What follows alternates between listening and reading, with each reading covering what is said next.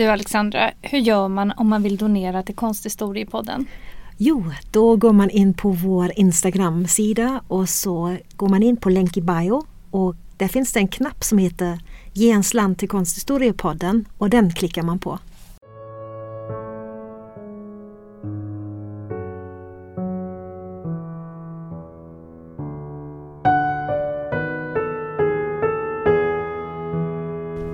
Hej och välkomna till Samtal pågår. Jag heter Alexandra Frid. Och jag heter Alexandra Härlitz. Och just nu sitter vi i solen på en takterrass på Uffizierna i Florens och vi har precis gått igenom en del av utställningarna och tar nu en liten paus för att reflektera lite grann. Ja, och vi tänkte berätta lite om vår resa och hur det är att resa i dessa tider och att besöka museer. Och det som vi kommit fram till det är ju att eh, det skiljer sig väldigt mycket på de här olika platserna. Hur, hur det är med restriktioner, också hur mycket folk det är kan man säga. Någonting som de gör det är ju att man måste alltid visa covidpass och de mäter temperaturen i antingen pannan eller vid handleden när man kommer in. Vilket inte känns helt tillförlitligt egentligen. Precis, vi kan ju också nämna att på bara några dagar så har vi alltså besökt Paris, vi har besökt Madrid och nu är vi alltså i Florens. Ehm, och eh, vi började vår museiresa eh, på Louvren. Ja. Och där hade vi ju en ganska tidig tid. Vi var där klockan tio. Mm. Regnade.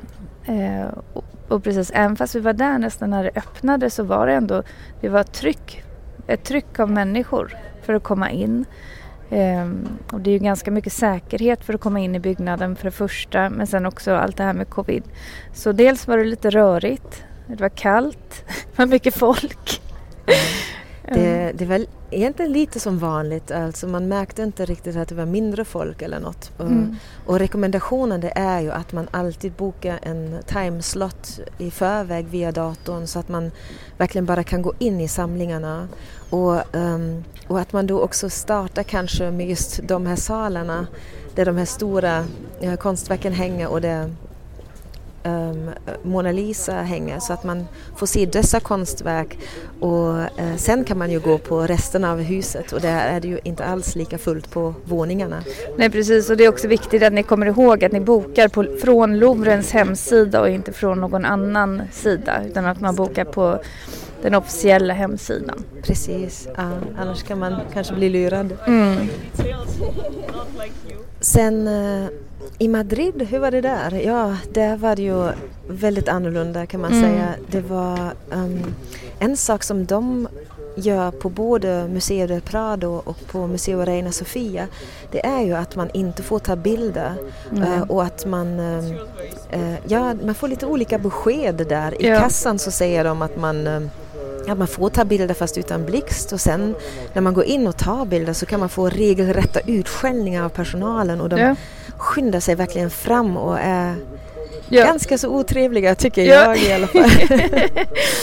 ja, så det, det, det som är lite det som är lite konstigt är, det är liksom den här inställningen att man inte får ta bilder, känner jag i alla fall. För om man, om man har en mängd turister som, som postar de här bilderna så blir ju de här målningarna också mera kända och det leder ju till att fler människor kommer kanske dit till Prado för att titta på de här verken. Så det, och det är ändå så att de här bilder man tar, de, de kan mm. man ju inte använda för att uh, publicera, nej, eller någonting sånt. Nej. Eller att göra brickor eller paraplyer med de här målningarna. Nej. Det går ju ändå inte så det, det, så, det känns så konstigt. Mm. Och, och, så är det ju inte alls uh, varken på Louvren eller här i Italien. Det är ju, här får man ju fota utan blixt så det är ju och det är ju väldigt bra för just den här kursen som vi är ja. här för, för vi spelar ju in både filmmaterial och foton. Och, ja. Så det är väldigt kul när man väl får fotografera och när man inte blir utskälld. Ja, precis. Men på, på El Prado där hade vi förbokat biljetter så det var inga problem. Men på, och på Rena Sofia Aha. Där hade vi inte gjort det och då var det lite roligt när vi skulle gå in eh, och köpa våra biljetter för då står det att eh, lärare eller sådana som arbetar med kultur i princip får komma in gratis. I princip. ja. Men eh, då upptäckte vi att eh, det gällde bara om, om man hade ett, eh, ett ID-kort, ett, eh, alltså ett universitets-ID-kort. Med foto? Med foto det som det, det stod staff på. Jag hade mitt så att jag fick komma in gratis men Alexandra fick inte nej. komma in gratis. och det spelade ingen roll hur mycket jag intygade att hon också arbetade. Ah, eh, att hon också arbetar på Göteborgs universitet. Ja. Men det var, det var en rolig upplevelse. Ja. Eh, och sen det här med att eh, också när man ber om hjälp och fråga, just i Spanien kan vi väl säga att, ja. att, det var väldigt rakt igenom när man ställer frågor till de som arbetar på museerna så är, är de ganska, eller just de vi pratade med i alla fall var ganska nonchalanta och de himlade med ögonen ja. och Uh, ja, ja, gav, vad heter det? Nej, det var inte så trevligt Nej. där helt enkelt. Väldigt, ja, en väldigt, väldig skillnad tycker ja. jag till nu när man är här i Florens. Ja är folk mycket trevligare. Och, ja. ja, än så länge. Man vet länge. inte. Det finns plus och minus på båda ställena. Ja.